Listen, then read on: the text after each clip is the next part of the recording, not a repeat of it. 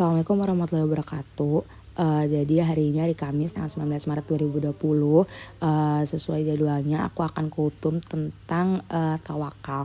Alhamdulillah alamin uh, kita masih bisa dikasih kesempatan oleh Allah Subhanahu wa untuk menegakkan kultum aku yang semoga bisa bermanfaat bisa bermanfaat bagi kalian dan semoga kita selalu dikasih kesehatan dan uh, kelancaran dalam uh, segala sesuatu yang akan kita lakukan. Oke, kita semua aja. Uh, tawakal merupakan bagian dari ajaran Islam yang sangat penting. Karenanya tawakal sangat ditekankan da di dalam Al-Qur'an. Kata tawakal disebut di dalam kitab suci ini tidak kurang dari 30 yang 30 kali yang tersebar di dalam 9 surat yang berbeda. Misalnya surat Ali Imran ayat 122 Al-Maidah ayat 11, Al-A'raf ayat 89 dan sebagainya. Tawakal inilah yang merupakan salah satu hal yang membedakan antara orang beriman dengan orang tak beriman. Menurut Imam Ahmad bin Hambal atau yang lebih dikenal dengan Imam Hambali, tawakal merupakan perbuatan hati. Artinya, tawakal bukan sesuatu yang diucapkan oleh lisan, bukan pula sesuatu yang dilakukan oleh anggota tubuh. Juga bukan merupakan sebuah wacana atau sekadar pengetahuan belaka. Tetapi, sekali lagi, tawakal merupakan perbuatan hati sehingga tidak bisa di diwujudkan dalam bentuk fisik, seperti berdiam diri tanpa melakukan suatu ikhtiar lahiriah. Sikap pasrah ditunjukkan dengan tidak adanya usaha fisik atau ikhtiar lahiriah seperti itu tidak bisa disebut sebagai tawakal. Tetapi ibarat perang merupakan sikap menyerah sebelum maju ke medan pertempuran. Rasulullah SAW telah memberikan gambaran tentang tawakal sebagaimana beliau sabdakan dalam sebuah hadis yang diriwayatkan Ibnu Hibban ikilha wa tawakal. Artinya, ikatlah untamu dan bertawakallah. Hadis tersebut memberikan pengertian bahwa tawakal tidak meniadakan usaha lariah atau perbuatan fisik seperti mengikat seekor unta ketika seseorang menginginkan hewan ternaknya itu meninggalkan dirinya, itu tidak meninggalkan dirinya alias hilang.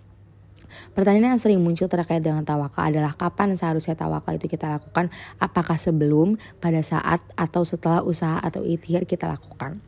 Nah, kalau kita perhatikan hadis tersebut, maka jelas bahwa Rasulullah Shallallahu Alaihi Wasallam memerintahkan agar seseorang berusaha atau berikhtiar terlebih dahulu, baru kemudian bertawakal. Artinya, manusia tidak boleh berdiam diri, berpangku tangan, berenak-enakan, atau bermalas-malasan. Sementara usaha diserahkan begitu saja kepada Allah Subhanahu Wa Taala. Tetapi kalau hadis di atas kita hubungkan dengan surat Ali Imran ayat 159 yang uh, mempunyai arti. Kemudian apabila kamu telah membulatkan tekad, maka bertawakallah kepada Allah. Sesungguhnya Allah menyukai orang-orang yang bertawakal kepadanya maka kita akan mengetahui bahwa ketika kita baru sampai pada tahapan niat saja untuk mencapai sesuatu atau kerentek dalam bahasa Jawa, pada tahapan itu pun kita sudah harus melakukan tawakal kepada Allah Subhanahu wa taala. Dan kata lain, tawakal harus kita lakukan baik sebelum maupun sudah kita berusaha untuk mencapai maksud tertentu. Kita tahu bahwa perbuatan atau usaha manusia terdiri dari tiga tahap. Yang pertama, tahap niat yang kedua tahap pelaksanaan, dan yang ketiga tahap hasil.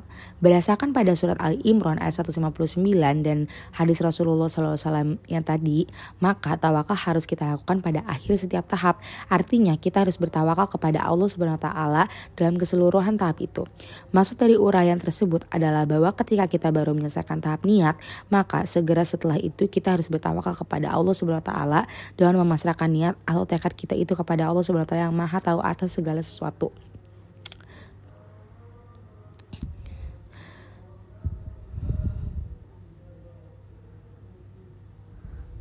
Kemudian ketika kita baru menyelesaikan tahap pelaksanaan, maka segera setelah itu kita harus bertawakal kepada Allah Subhanahu wa taala dan memasrahkan usaha atau ikhtiar itu kepada Allah Subhanahu wa taala yang Maha Kuasa atas segala sesuatu. Dan akhirnya ketika kita telah sampai pada tahap terakhir, yakni tahap hasil kita harus bertawakal dan memasrahkan apa pun hasil kepada Allah Subhanahu wa taala yang Maha adil dan bijaksana. Sebab tahap hasil adalah wilayah Allah Subhanahu wa taala. Bagaimanapun Allah Subhanahu wa taala lebih tahu apa yang terbaik buat kita. Jika hasilnya positif, yakni Allah Subhanahu wa taala memberi kita keberhasilan mencapai apa yang kita maksudkan, maka kita harus bersyukur kepada Allah Subhanahu wa taala. Uh, jika sebaliknya kita harus uh, bersabar dengan tetap introspeksi atau evaluasi diri di mana letak kekurangan atau kelemahan kita pada setiap tahap yang kita lewati. Nah, tawakal memiliki banyak sekali hikmah sebagaimana ditegaskan dalam Al-Qur'an.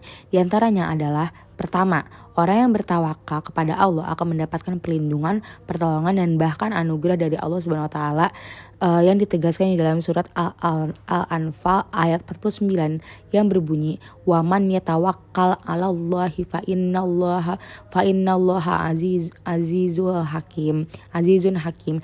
Artinya barang siapa yang tawakal kepada Allah maka sesungguhnya Allah maha perkasa lagi maha bijaksana. Orang-orang yang senantiasa bertawakal kepada Allah dalam setiap urusannya, Allah akan menunjukkan bukti keperkasaan dan kebijaksanaannya. Tentu kita ingat uh, bagaimana ketika Rasulullah hendak dibunuh dengan diacungi se sebilah pedang terhusnus oleh sese seorang kafir Quraisy bernama Suraqah bin Malik. Dalam keadaan seperti itu, Rasulullah SAW yang hatinya selalu bertawakal kepada Allah Subhanahu wa taala mendapat perlindungan dari Allah Subhanahu wa taala. Secara mendadak bumi yang ada di depan Suraqah yang sedang memacu kudanya retak dan menelan kaki kudanya hingga Suraqah dan kudanya tak berdaya. Suraqah kemudian menyerah pada Rasulullah dan meminta maaf dan mengajak damai. Nah, yang kedua, orang yang bertawakal kepada Allah Subhanahu wa taala akan mendapatkan kebaikan di dunia dan di akhirat sebagaimana ditegaskan dalam surat An-Nahl ayat 41 uh, dan uh, ayat 42 wallazina haza wallazina haza jaru fi fillahi min ba'di ma zulimu lanub lanuba lanubainnahum fi dunya hasanatan wala wa uh, hasanatan wal ajru wal ajru akhirat akhirati akbaru law kanu ya'lamun ya'lamun allazina sab ya'lamun allazina sabaru wa 'alallahi rabbihim yatawakkalun. Artinya dan orang-orang yang berhijrah karena Allah sesudah mereka dianiaya pasti akan memberikan tempat yang bagus kepada mereka di dunia dan sesungguhnya pahala di akhir pahala di akhirat adalah lebih besar kalau mereka mengetahui orang-orang yang sabar dan hanya kepada Allah saja mereka bertawakal. Orang-orang yang selalu bertawakal kepada Allah Subhanahu wa taala dalam seluruh aspek kehidupannya akan selalu mendapat balasan dari Allah Subhanahu wa taala. Tidak hanya balasan kebaikan di dunia tetapi terlebih terlebih balasan di akhirat nanti. Di dunia saja, mereka akan hidup dengan tenang dan tentram sehingga tidak terhindar dari stres berat maupun depresi yang berkepanjangan. Terlebih di akhirat, mereka akan mendapat surga yang tinggi karena Allah mencintai orang-orang yang senantiasa bertawakal kepadanya. Ketiga, atau yang terakhir, orang yang bertawakal hidupnya akan dicukupi oleh Allah Subhanahu wa taala sebagaimana ditegaskan dalam surat At-Tolak ayat 3. Wa may fahuwa hasbuh. Artinya, dan barang siapa yang bertawakal kepada Allah niscaya akan mencukupkan keperluannya. Ayat tersebut merupakan jaminan dari Allah Subhanahu bahwa orang-orang yang hatinya senantiasa bertawakal kepada kepadanya akan dicukupi seluruh keperluan hidupnya, baik secara material maupun spiritual. Orang-orang yang hidup dicukup dicukupi oleh Allah Subhanahu tidak mungkin mengalami kekurangan meskipun bisa saja orang itu orang sederhana dan bukan orang kaya. Demikian pula orang-orang kaya yang hatinya selalu bertawakal kepada Allah tidak akan mengalami kekhawatiran akan bangkrut sebab Allah, sebab Allah akan mencukupinya. Sebaliknya, orang-orang kaya masih suka serakah dengan berbuat curang atau korupsi demi memperoleh keuntungan besar, bukanlah orang kaya yang senantiasa bertawakal kepada Allah Subhanahu wa taala. Orang-orang seperti itu tidak akan pernah merasa cukup dalam hidupnya karena Allah membuatnya tidak cukup meski sekaya apa pun. Karun adalah contoh orang kaya yang tidak pernah merasa cukup karena tidak pernah bertawakal kepada Allah Subhanahu wa taala. Uh, nah, uh, mungkin uh, sekian kultum dari aku. Semoga uh, apa yang aku sampaikan ini bisa membuka kesadaran kita semua, uh, terutama buat aku sendiri untuk senantiasa uh, selalu bertawakal kepada Allah Subhanahu wa taala karena dengan tawakal itu kita akan dicukupi oleh Allah Subhanahu wa taala baik secara material maupun spiritual. Nah, uh, semoga kita selalu diberikan oleh Allah Subhanahu wa taala kemudahan-kemudahan dalam melaksanakan perintah-perintahnya termasuk dalam masalah tawakal kepadanya. Eh, dan semoga juga kita selalu diberikan kesehatan sama Allah Subhanahu wa taala diberikan uh, kelancaran dalam segala sesuatu yang akan kita lakukan. Ya terima kasih. Wassalamualaikum warahmatullahi wabarakatuh.